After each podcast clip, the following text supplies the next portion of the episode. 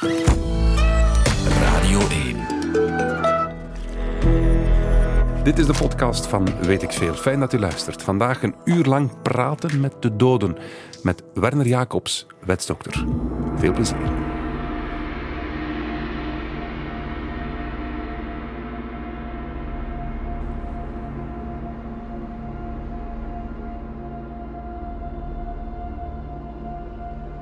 Radio 1. Weet ik veel met Kobe Ilse.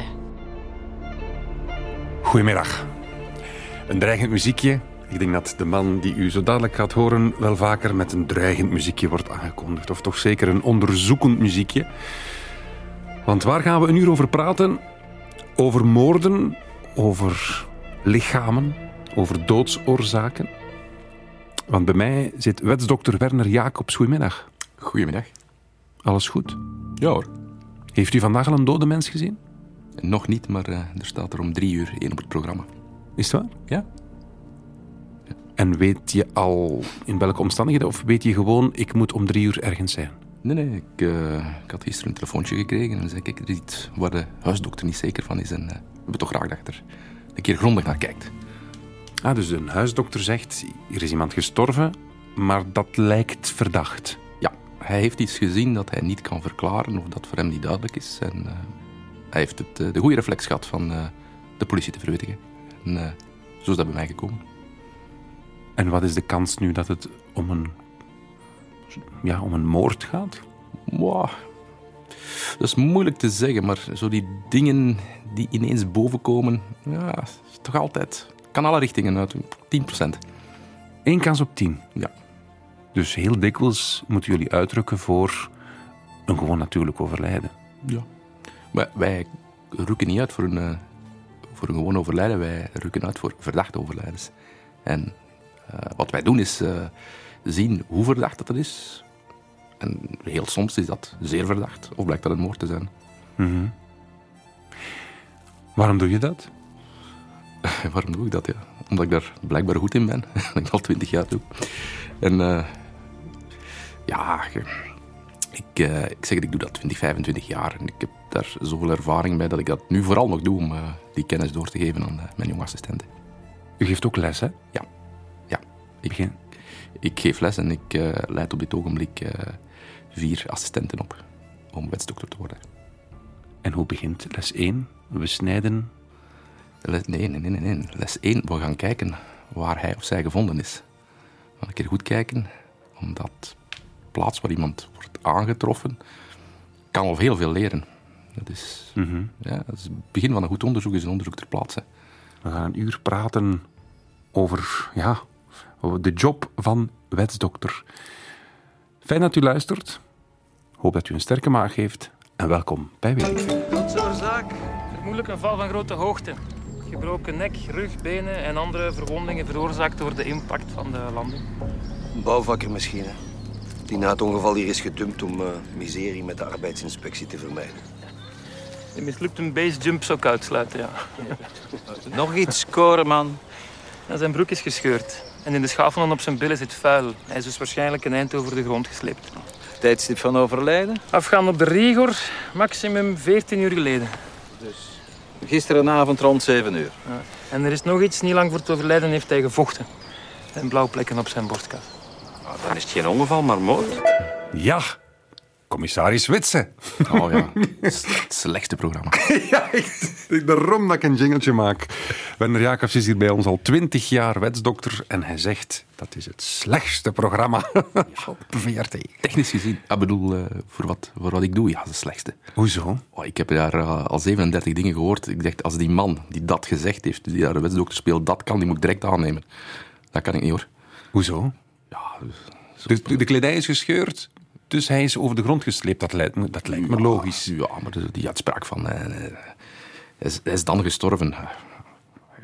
Nee, Nee? Zo, nee, zo, zo nauwkeurig of zo. Zo exact gaat het allemaal niet. Als het, als het buiten 20 graden is en een lichaam is 37 graden en je kan... Nee, Nee, ja, het hangt ervan af hoe nauwkeurig dat je dat wilt weten. Maar als je wilt zeggen van kijk, eh, zo van die uitspraken van het is dus tussen tien uur en kwart na tien gebeurd, dat is nonsens. dat is nonsens. Dus eigenlijk worden we allemaal een beetje miskweekt met al die detectieve series. Want ja, CSI, wat is het allemaal? Ja, maar CSI, CSI is ook zo'n programma, is best wel leuk hoor, maar de helft bestaat en de helft bestaat niet. En de helft van wat bestaat, daarvan is de helft min of meer realistisch en de, de helft semi-futuristisch. Dus uw job is minder sexy dan wij allemaal denken. Want op een of andere manier, hoe luguber het ook is, hangt daar wel een, een zweem van cool. Wauw, wetsdokter. Kijk, ik kijk ook altijd, ik kijk soms ook wel eens naar CSI en dan zie ik daar zo een, een vrouw op stilettos van 12 centimeter door de plaats likt lopen. Ik heb ook vier vrouwelijke assistenten die op stap staan. Die, die dragen geen stilettos van 12 centimeter. Want dan zitten, dan zitten vast in de modder. Dus- dus nee, het is, het is niet zo sexy, dus het is wel uitdagend, maar het is niet zo sexy als het in sommige programma's wordt voorgesteld. Laat ons beginnen bij het begin. Werner, wat doet een wetsdokter precies? Wat is uw job? We doen eigenlijk de twee belangrijkste dingen die wij doen als we het hebben over dode mensen. Want wij werken ook bij het levende, maar wij zijn vooral gekend voor de dode mensen. Dat is de doodsoorzaak bepalen en nagaan of een derde daarin de hand heeft. Of er een moord gebeurd is. Ja. Of een derde verantwoordelijk is voor dat overlijden. Ja. Hoeft niet per se een moord te zijn, maar je kunt verantwoordelijk zijn voor een overlijden. Bijvoorbeeld, eh wat kan bijvoorbeeld eh, medische fout. Ah, oké. Ja, je overlijdt aan een medische fout. Ja, die chirurg of die, eh, die dokter heeft iets gedaan en de vraag is er, een noodzakelijk, is er een noodzakelijk verband tussen wat die arts gedaan heeft en uiteindelijk dat overlijden. Dus als je een scalpel vindt in de darmen, dan weet je, ja, er is een oorzakelijk verband. Ja, Maar het kan ook zijn over een, verkeerd medicijn toedienen of wat. bijvoorbeeld, ja. Dus vandaar dat ik zeg, ik bedoel, wij zoeken, wij, kijken na of een derde verantwoordelijk is, maar hoeft niet altijd een moord te zijn. Ja, ja, We ja. zijn wel vooral gekend voor de moorden, maar ja, we werken ruimer dan dat hoor. En dat doen jullie op basis van, denk ik, veldonderzoek, maar vooral onderzoek op en in het lichaam. Ja, wij beginnen altijd, als dat nog mogelijk is, ter plaatse. Dan, dat, dat, dat, je kunt er al heel veel van leren. Hè. Dingen die kunnen gebeurd zijn, maar vooral ook dingen die je kunt uitsluiten. Geef ten eerste aanwijzingen. Ik bedoel, gaat dat richting drugs? Gaat dat richting pillen? Zijn daar bloedsporen die... Hè, bloedsporen is heel moeilijk. Hè. Veel mensen die sterven op het einde bloeden of verliezen nog bloed, maar niet alle bloed is verdacht. Hè. Soms kan dat normaal zijn in het stervensproces. Maar sommige bloedpadpatronen zijn uitermate verdacht voor dat daar iemand is geweest. Dus en dat soort dingen, daar begint het mee. Dan is het al georiënteerd in welke richting dat het mogelijk kan gaan. Dat is stap 1. En dan de volgende stap is, ja, dan gaan we dat lichaam onderzoeken. Eerst ter plaatse, of als dat niet gaat in een mortuarium. En ter plaatse, dat is exact hoe die persoon gevonden is. Ja. Klopt dat dat het echt zo is? Dat er aan een plaats delict wordt gemaakt en dat jullie in van die witte, stofvrije overal daar dan eh, die, die plaats betreden? Ja. Klopt dat beeld echt? Dat is juist, ja. Dat zijn wij samen met de mensen van het gerechtelijk labo. Dat ja. zijn de eerste twee spelers die op een potentiële plaatselijk binnengaan. Om te kijken. Dus een inspecteur die, die de eerste vaststelling doet, die kan die plek al besmetten. Die kan, ja. Maar het eerste wat hij moet doen, als hij denkt van het is verdacht, dus er meer aan de hand is, de plaats afsluiten en, ma- en maken dat hij weg is. Ah ja, ja. Omdat het onderzoek van een plaatsdelict anno 2021 draait vooral om sporen en vooral DNA-sporen. Dan wil je natuurlijk niet dat eh, heel de voetbalploeg van FC Kampioenen daar gepasseerd dus ja, het is een algemene regel van zodra men vaststelt dat er iets niet kan kloppen, dat er iets verkeerd is, sluit men de plaatsdelict af. En neem ons eens mee in, in, in, uw, in uw hoofd. Je, je wandelt een huis binnen waar een, een, een persoon ligt die is ver- ver- verdacht overlijden. Ja, Je wandelt die voordeur binnen. ja. Wa- Wat, wat zie je? Waar let je op? Ehm, wat ik meestal doe, is niet direct naar die kamer lopen waar dat, dat lijk ligt, maar een keer door dat huis wandelen. Dat geeft u een heel, een heel goed beeld over wat voor iemand dat, dat is, wat is die zijn levensstijl, wat doet hij. En om dan uiteindelijk, nadat je ja, zo'n beetje dat, het gevoel van het huis en zijn inwoners geabsorbeerd hebt, dan gaat je naar de plaats waar iemand dood ligt. En dan gaat je kijken, ja, is die plaats verstoord? Wat is daar abnormaal? Ehm, hoe ligt die mens? Is die positie verklaarbaar door een natuurlijk overlijden? Ik bedoel, de meeste mensen sterven nog altijd natuurlijk. Hè.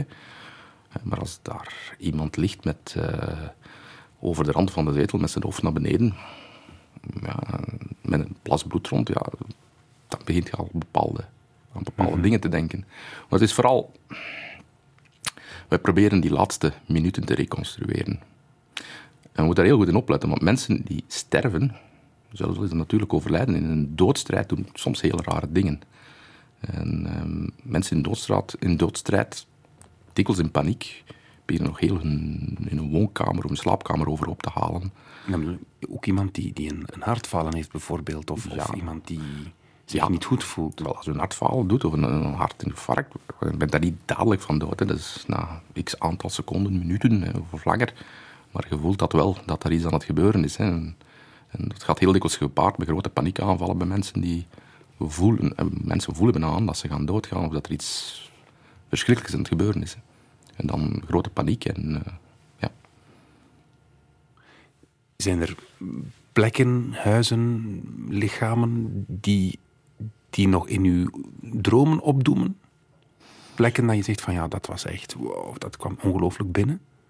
Eh, ik droom daar niet meer over, maar ik denk dat ik in die 20, 25 jaar zo ongeveer alles gezien heb wat je kunt bedenken. Ik heb mensen in alle mogelijke en onmogelijke plaatsen zien overlijden. Bedoel, Als je nu zegt, wat is het, het, het eerste wat door je hoofd gaat van een bijzondere plaats van overlijden, ja, dat was iemand die doodlag op een kerkhof en die ging over een grafsteen met zijn broek op zijn knieën. Ja, Oei. ja, oei. ja, dat zeiden veel mensen toen, oei. Ja. Blijkbaar heeft dat zelfs CNN ooit gehaald, heeft men mij gezegd. Maar.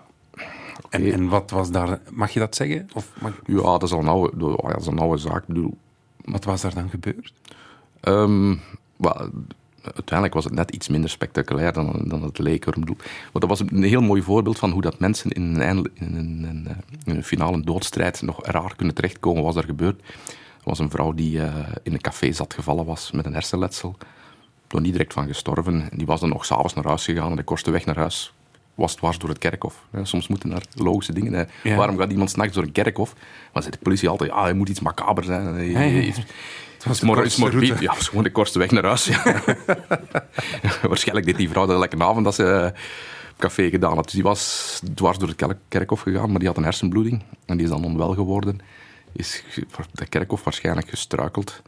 Eh, ik denk dat ze waarschijnlijk ook nog, dat is de reden waarschijnlijk dat ze met haar broek op haar enkels daar lag, tussen twee grafstenen nog heeft willen plassen of zoiets. En, Dus als je heel die som maakt, was daar ja, dat, dat, dat oogde initieel heel spectaculair. Nog zelden zoveel politie en entourage daar gezien toen die vrouw daar werd aangetroffen. Maar 48 uur later, als heel dat, heel dat, heel dat gebeuren is uitgeklaard en we weten wat de doodsoorzaak is, dan valt het allemaal in proporties. Wat is het ergste? Ik kan me voorstellen, kinderen. Ja, ik heb ooit eh dossier Fabeljesland in, eh, in Dendermonde. Ja, dat is Kim de Gelder. Kim de Gelder, ja. Ik bedoel, dat, zijn, dat waren twintig kinderen de keel overgesneden. Ja. Veel erger kun je niet bedenken. En dan ben jij een van de eerste die daar binnen wandelt. Ik was samen met een collega. Wij waren de eerste die daar zijn binnengegaan, ja. Wij waren ook de eerste die dat... Ja, iedereen stond daar te, rond, rond te lopen en te, naar iedereen keek naar iedereen. Van, wat gaan we doen? Ik kan dat wel begrijpen, dat dat... En dan hebben wij op een bepaald moment gezegd, ik en mijn collega, kom, we gaan binnen. hè. En wat zie je dan? dan zie je bloed en dode mensen. En Dat is, eh, dat is redelijk impressionant. Ja. Het is een, vooral ook de lokalisatie, dat is een kindercrash. hè. En op dat ogenblik komt ook die informatie binnen. Hè. Er waren geen twintig kinderen dood, maar eh, uiteindelijk waren er wel een stuk of twintig kinderen die met, allemaal met een overgesneden keel verspreid lagen over alle ziekenhuizen in Oost-Vlaanderen. En Dat is dan info die binnencijpelt. En dan begint je een beeld te krijgen over wat er aan de hand is. Hè. Bedoel, achteraf is het allemaal gemakkelijk om te zeggen, maar ik weet nog, die, toen die eerste telefoon binnenkwam, ik zat toen in een auto, ja, dat ging dan van, er zijn enkele doden, en dan werden toen vijf doden, en dan ging dat naar drie doden.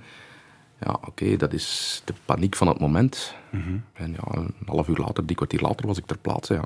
En toen kregen we een heel duidelijk beeld. En toen heb ik ook gezegd van, kijk, ik, eh, ik wil hier over een uur een lijst hebben van alle kinderen die in die crash zaten. En ik wil weten in welke ziekenhuizen dat ze liggen. En dus daar ik eerst een, eh, een uur, een uur en een half in die crash bezig geweest. Want er waren eh, twee, nog twee overleden personen ter plaatse. En nadien ben ik heel de dag alle ziekenhuizen van Oost-Vlaanderen afgegaan om alle kinderen te gaan onderzoeken. Dus, dat, maar dat waren nog levende kinderen. hè. Dus dat was een lange dag, ja. Hoe, hoe blijf je als mens dan geloven in het goede van de wereld en de mensheid als je zo'n tafereelen ziet? Maar de vraag is natuurlijk of de mens per definitie goedheid is. Hè. Als, ik zeg altijd, kijk, wij zijn in essentie niet veranderd ten opzichte van de tijd van de Romeinen en Belgen. Hè. Bedoel, in die tijd sloegen ze elkaar de kop in, dat doen ze nu nog altijd. Dus eh, zover zijn we niet veranderd. Ehm, maar, het is natuurlijk maar het is natuurlijk een fractie die dingen doet die ja, het nieuws halen en die groot nieuws zijn. Goed, het is een fractie van de mensen die verantwoordelijk is, maar die fractie van de mensen is wel verantwoordelijk voor de bulk van het nieuws. hè. En jij staat wel elke dag letterlijk en figuurlijk in, in, de, in de modder van die, In die kleine groep van mensen die andere mensen verschrikkelijke dingen Ja, aandoet. ik, ik sta elke dag in de diepste miserie van de maatschappij. Ja. Of ik zie elke dag de diepste miserie van de maatschappij, ik zal het zo zeggen. Hebben wij daar enig idee van hoe het is daarbuiten? Nee. Nee. Zelfs wat jullie opnieuw tonen is nog... is niet het ergste wat ik zie. Een peuter van twee, haar oppas uit Mali, een Turkse vrouw op een bankje. Ze werden gisteren het slachtoffer van een jongen van 18 die simpelweg een geweer had gekocht en daarmee aan het schieten ging in het centrum van Antwerpen. Blijkt dat hij extreemrechtse of zelfs racistische ideeën had. Fragment uit het nieuws van weleer. Hans van Temse schiet op straat mensen dood. En daar was jij, of dan krijg je ook een telefoon.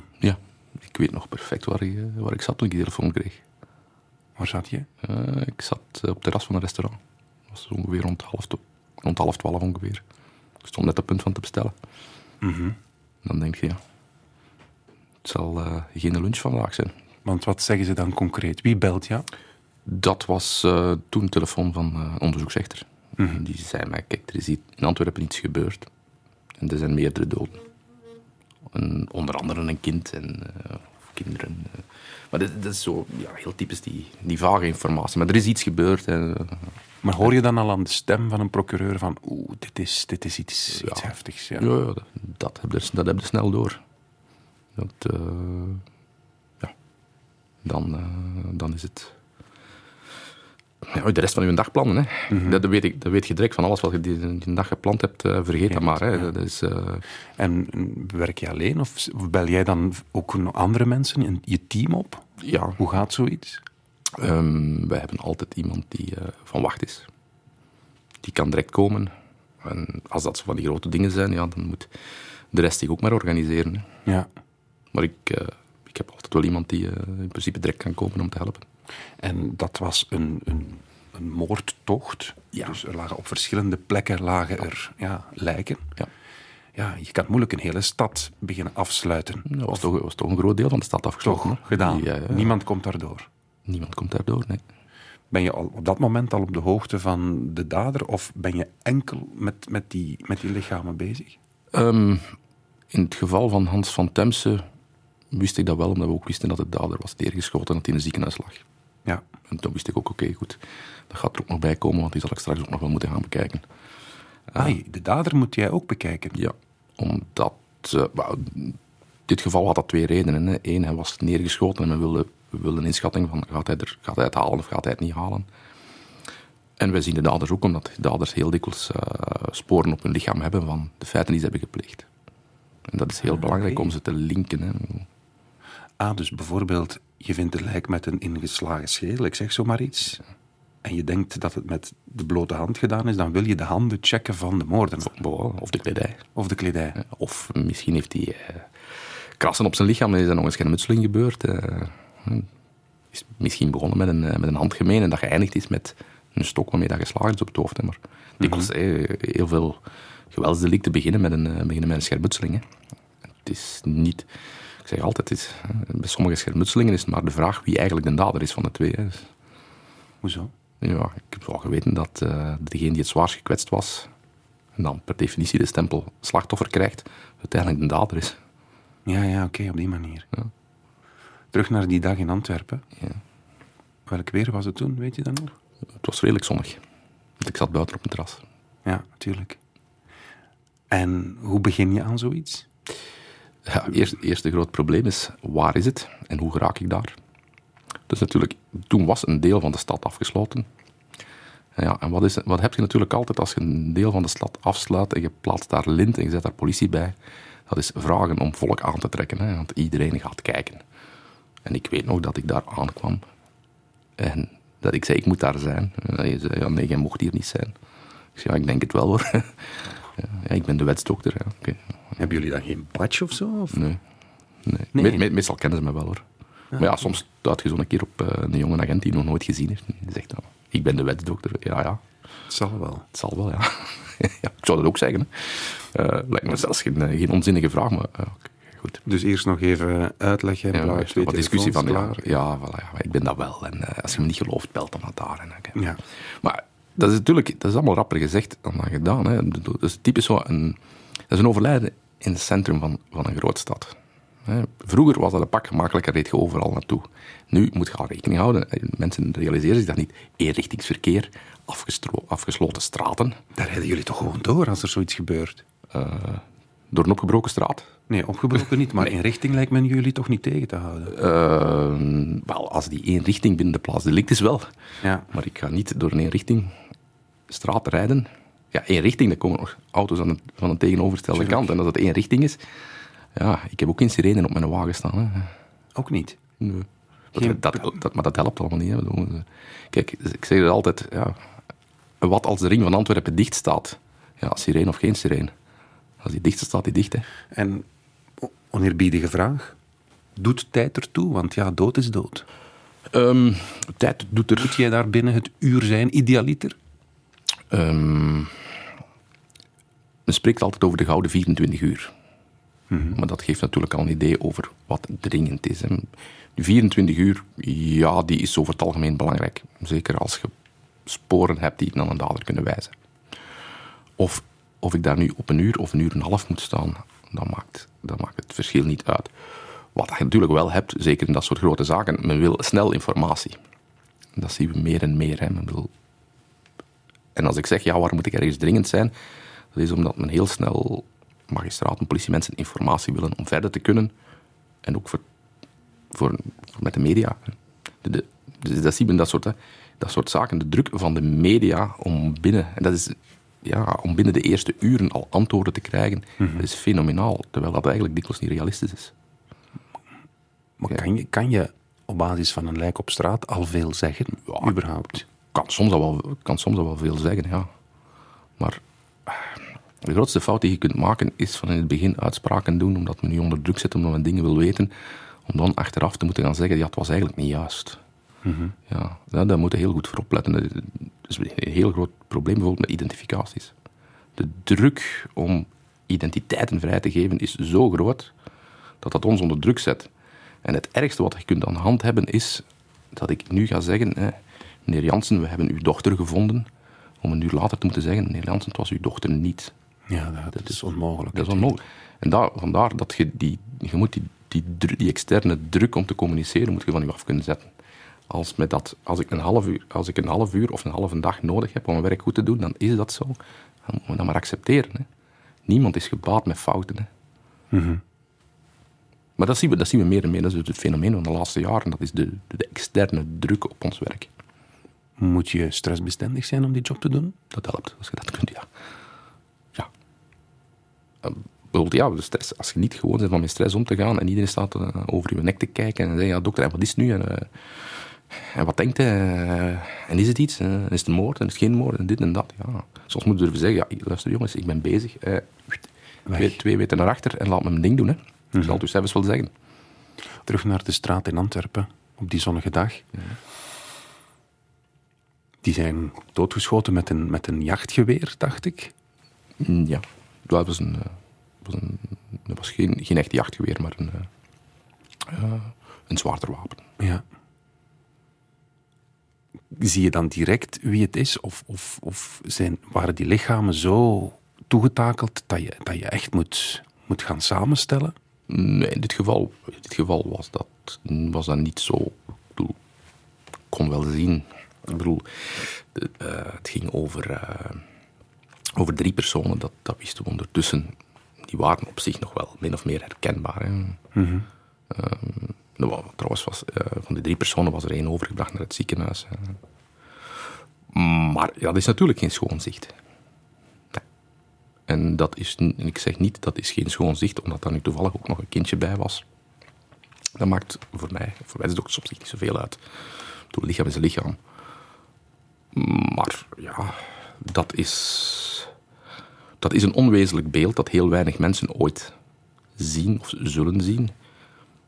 Dat wij misschien in het beste geval kennen van op tv, maar dat die realiteit overtreft de fictie. Dus, ja, dat is niet voor de zachthartigen. Als je iemand in opleiding meeneemt op zo'n moment, wat doet dat met een mens die daar nog niet in getraind is? Eh, dan weet ik direct of die een toekomst bij mij heeft of niet. Ja? Ja. Dat weet ik op twee weken tijd. Hoezo? Dat ziet je direct, of mensen dat aan kunnen of niet. Dit leerde niet, hè. Bedoel, bedoel ik, eh, daarmee omgaan, dat leerde niet. Dat kun je of dat kun je niet. Dus je kan geen eeltlaag kweken. Nee. Nee. Dat lukt, dat is onmogelijk. Daarom, na twee weken weet ik of je dat kunt of niet. En zeg je dan eerlijk van, dit is niks voor jou, ga iets anders doen? Ehm, meestal komen de mensen dat tegen mij na twee weken willen zeggen van ik denk niet dat het iets voor mij gaat zijn. De mensen beseffen, mensen die, die met mij kandideren, die meelopen, die beseffen dat heel snel van dat is iets of dat is niks. Je zei het daarnet, dan moet je ook de dader gaan eh, onderzoeken. Ja. Zo'n Hans van Temse, ik neem aan, als je gezien hebt wat voor leed dat die heeft aangericht, dat je als, zelfs als dokter weinig zin hebt om daar überhaupt zacht mee om te gaan of, of, of, of om daar überhaupt mee om te gaan court. Ik eh, heb Of kan je dat loskoppelen? Ja, ik wel. Maar ik heb wel, want ehm, ik, heb die, ik heb Hans van Demse de volgende ochtend vroeg gezien. Waarom? Omdat hij was neergeschoten. In de loop van de namiddag is hij geopereerd en nog een nacht op intensieve zorg gelegen. Maar toen ik in het ziekenhuis kwam, voelde ik wel bij sommige mensen, zo, ja, moeten wij, hè, moeten wij voor dat krapul hè, zoveel tijd en moeite doen? En Misschien niet dat dat letterlijk gezegd wordt, maar die sfeer voelt je wel. hè.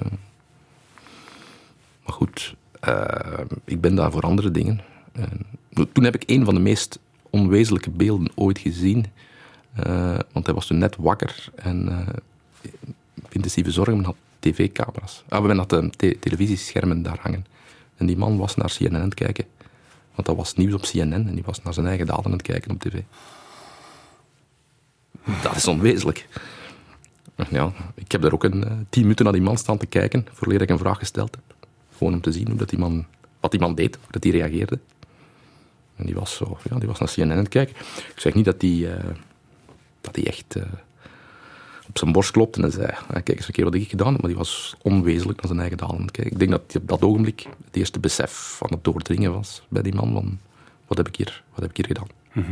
En wat heb je dan bij hem nog onderzocht als wetsdokter? Ehm, ik heb toen eerst inschatting gedaan van, eh, gaat hij het halen? Nu, dat was wel duidelijk, want hij was ondertussen wakker geworden en, en zo verder en zo verder. Maar wat daar ook belangrijk was, was een appreciatie van, was die man zijn gedrag? Hm, Is die helder bij geest of is dat psychotisch gedrag? Hè, want de eerste vraag, eh, een van de eerste vragen die gaat komen is, is die toerekeningsvatbaar? Nu, ik ben geen psychiater, maar die eerste vaststellingen zijn, zijn wel heel cruciaal. En ik heb, dat toen, ik heb die man toen gezien en mijn eerste inschatting was, is perfect toerekeningsvatbaar. Die wist perfect waar hij mee bezig was. Ja, u weet perfect wat hij gedaan had. En Ik denk dat, hij, dat de impact van wat hij gedaan had en de gevolgen op dat ogenblik begonnen door te dringen. Ja. Wat, wat voel je daar? Ik weet niet, als, als het persoonlijk is, moet u het zeker zeggen. Ehm, heeft u zelf kinderen? Ja. Drie kinderen.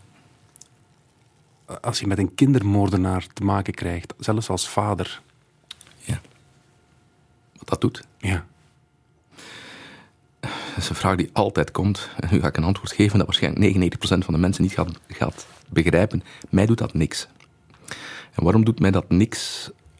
Omdat ik het, noem het de gave, het talent heb om, en dat is wat een goede wetsdokter moet kunnen, dat is een lichaam een- met een persoon, een identiteit aan, te transformeren naar een forensisch onderzoekobject.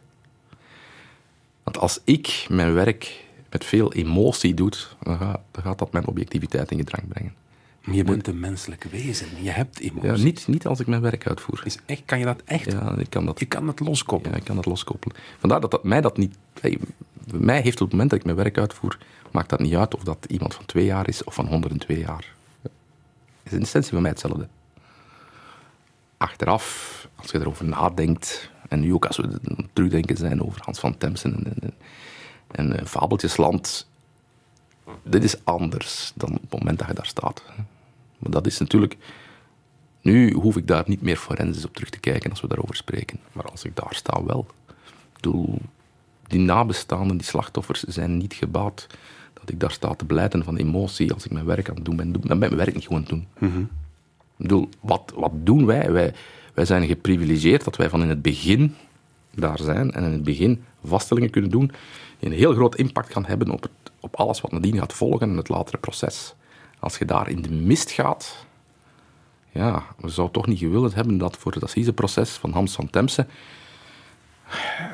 dat er twijfel zou zijn ontstaan omdat ik mijn werk niet te goed had gedaan, omdat ik daar stond te blijten, omdat ik het niet aankon. Klopt. Ja. En dat is misschien heel hard om te zeggen, maar dat is, dat is de realiteit als we, als, we, als we het hebben over een moordonderzoek. Ik bedoel, moordonderzoek wordt heel hard gespeeld. Hè. Ik bedoel, je weet, ik, ik moet het ook bekijken van het standpunt van de advocaat die een dader moet gaan verdedigen. Wat kan die nog zeggen als de dingen heel duidelijk zijn? Die kan alleen wijzen op eventuele fouten die jij maakt of, of politie. Die, gaat, die gaat mijn werk Ja. met een loep bekijken en gaat dingen die ik geschreven heb en gezegd heb, trachten in twijfel te trekken.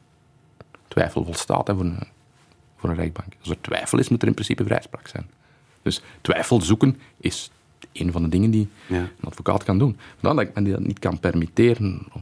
Dus als jij te veel emotie in je verslag stopt, Ik steek nooit emotie in mijn verslag. voilà. Nee. Want in andere zaken, denk zelfs bij Reuzegom was er ergens, omdat er een uitroepteken stond, z- had één advocaat al zoiets van, ja, maar er is toch een, beetje een soort partijdigheid.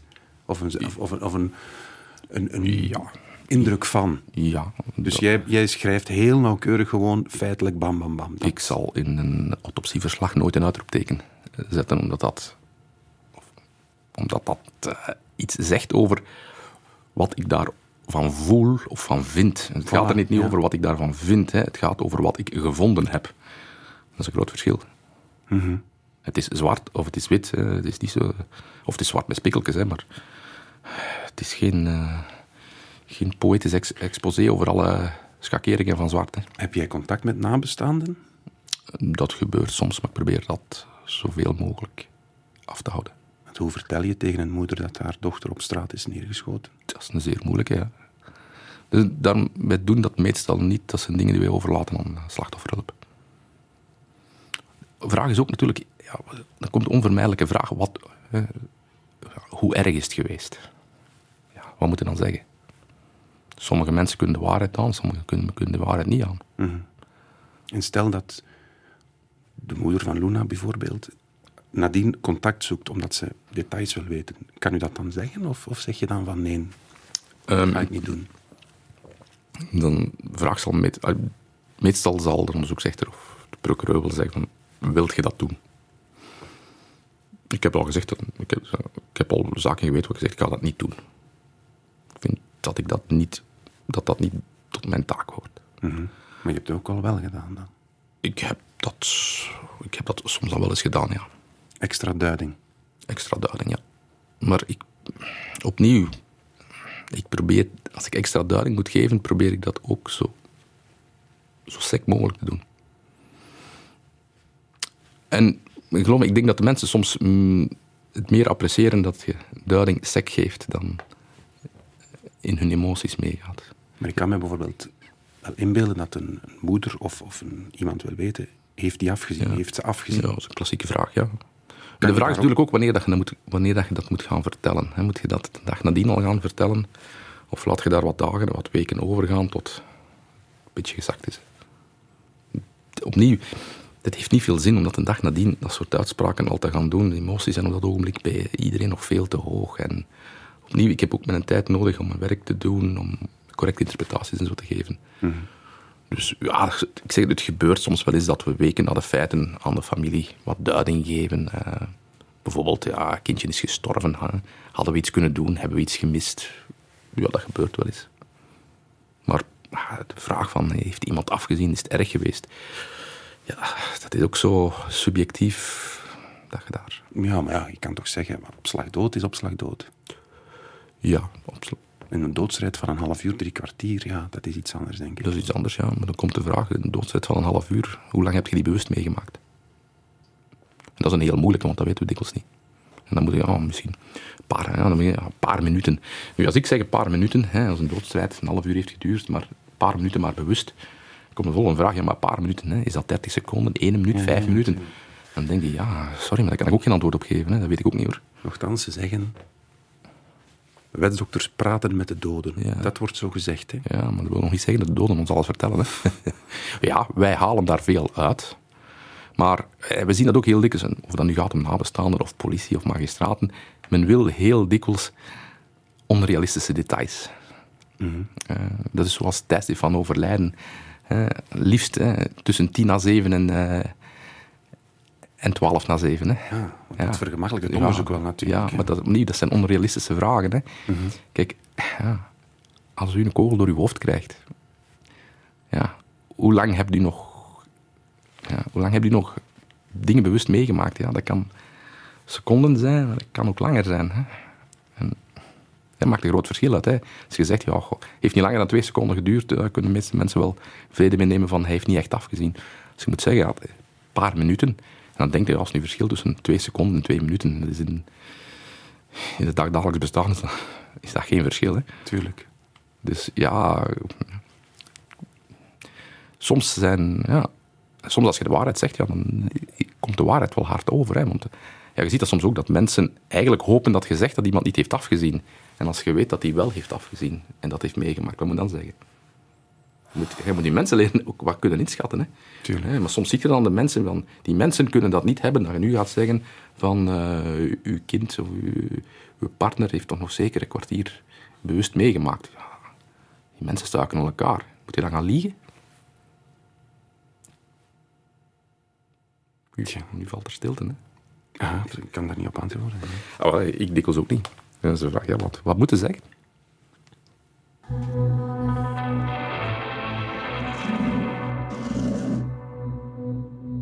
We doen veel meer dan alleen maar doden onderzoeken. Wij gaan namens hen spreken. Wij laten de doden nog de laatste keer hun verhaal doen. Wat dat betreft zijn het monologen, maar eh, die zijn daarom niet minder interessant. Ze worden ook een beetje de slagers van de geneeskunde genoemd. hè. Trouwens, als men mij ziet, wordt er nog wel eens gezegd als een dokter van de dooien. Een freak die ergens in de krochten van het ziekenhuis dode mensen opensnijdt. Dat waren ook allemaal collega's, je zat er zelf ook in. Freaks. Ja, maar dat is...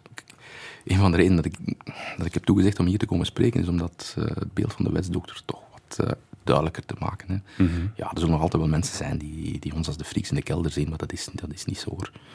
Een totaal verkeerd beeld. Ik bedoel, wij, de gene- wij doen niet meer- de gerechtelijke geneeskunde van 1835. Hè. We zijn 2021.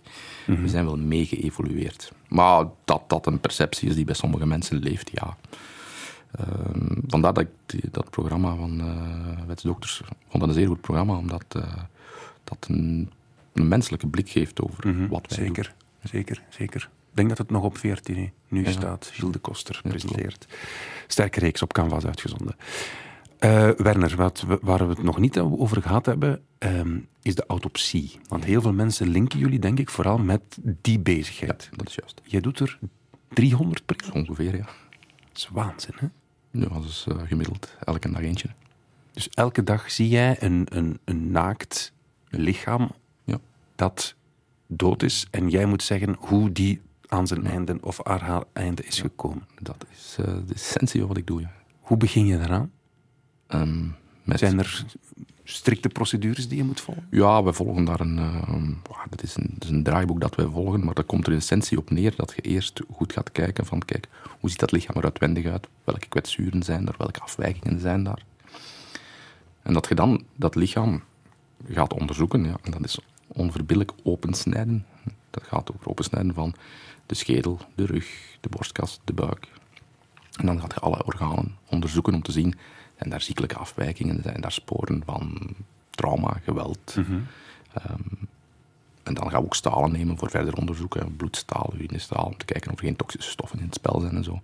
En dat is een puzzel die we samenleggen en op het einde van de rit, als dat allemaal gebeurd is, hopen we dat we iets vinden waar dat we met voldoende zekerheid kunnen zeggen, kijk, dat ligt nu aan de basis van het overlijden. Ik heb het ooit meegemaakt in Moldavië, een autopsie voor een eh, reportage over alcohol. Als je daar positief blaast in het verkeer, moet je een autopsie meemaken. Dat is een zeer strenge straf.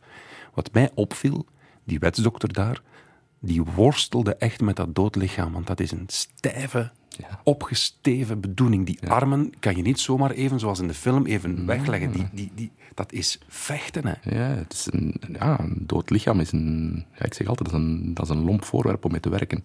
Dat is- Ja, dat viel mij enorm op. Ja, je moet maar een keer... Een van de moeilijkste dingen is bijvoorbeeld een eh, lichaam dat eh, 48 uur in het water heeft gelegen, waarvan de kledij nat is en dat zo stijf als een plank is uitkleden.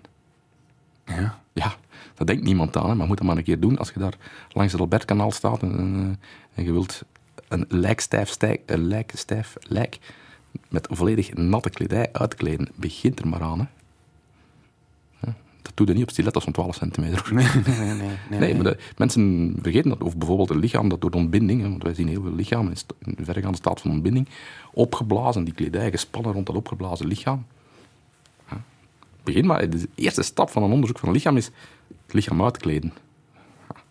Snijden is gemakkelijk, uitkleden van een lichaam, dat pak moeilijk hoor. Waarom knip je niet gewoon alles door? Of om, om, omdat er misschien nog onderzoek nodig is? Ja, die natuurlijk, als je het gaat doorknippen, dan gaat je het zelf ook beschadigen. Ja. dat doet je liefst niet. Ja, soms kan het niet anders, maar dat doet je liefst niet. Hè. Is er, want heel even terug naar Moldavië, mijn persoonlijke beleving, als allereerste keer, het moment dat ze de buik opensnijden, komt daar iets, een geur vrij. Ik zal dat nooit vergeten. Nooit van mijn leven. Dat is echt de dood. Ja, dat is geen, dat is geen aangename Dat is geur. verschrikkelijk. Ja. Riek jij dat nog? Ik riek dat nog, maar ik, eh, ik, associeer dat, ik associeer dat niet direct meer met een afgrijzelijke geur. Ik bedoel, het is geen aangename geur, maar ik heb ze ook van die trucken om dat zo snel mogelijk, om daaraan te wennen. Hè. Ik bedoel, is vijf seconden doorruiken en je ruikt dat ook niet meer hoor. Maar waarom ruiken mensen, waarom heb jij dat waarschijnlijk geroken? Omdat je op twee meter afstand staat en je, je neus geraakt nooit verzadigd. Je blijft constant kleine geuren waarnemen. Daardoor duurt dat bij u lang. Ik sta er met mijn neus in, ik ruik na vijf seconden niet meer.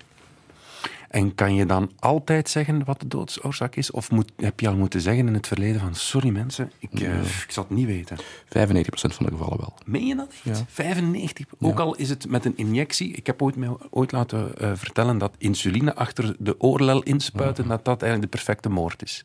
Ja, nee, insuline niet, want als je dat vindt, ja, dan zijn je gezien. Hè. Insuline is geen normaal product om aanwezig te zijn. Maar dat lost, dat lost vrij snel op of zoiets, dacht ik. Ja, eh, maar dan nog heel dikwijls vinden we dat wel hoor. Toch? Ja, er zijn weinig dingen die we niet vinden. Dus je bekijkt dat lichaam van, van kop tot teen. Ja, ja, van boven tot onder, van voor naar achter, tot dus nu tenen. Wat is de perfecte moord? Ja, ja, die is er en die is niet moeilijk. Maar we gaan die niet vertellen, hè. maar die is niet moeilijk. De perfecte moord ontstaat, en dat is misschien het belangrijkste, de perfecte moord ontstaat omdat men geen zin heeft om naar, over, naar de doodsoorzaak te zoeken. Want het zal wel niks zijn. Dus moet je ervoor zorgen dat ze niet zoeken. Ja. Als je de perceptie creëert van het zal wel niks zijn, dan is de kans dat het passeert, ja. Mhm. Is er een kans dat je al, dat je je al vergist hebt? Heb je je al vergist? Ja. Loopt er ergens iemand rond, vrij rond, die iemand gedood heeft, zonder dat jij hebt ontdekt dat hij die gedood heeft? Of zij? Dat denk ik niet. Dat ik me in kleine details heb vergist, dat kan ik niet uitsluiten. Maar ik denk niet dat er iemand vastzit op basis van wat ik ooit gezegd heb, dat totaal. Of vrij rondloopt?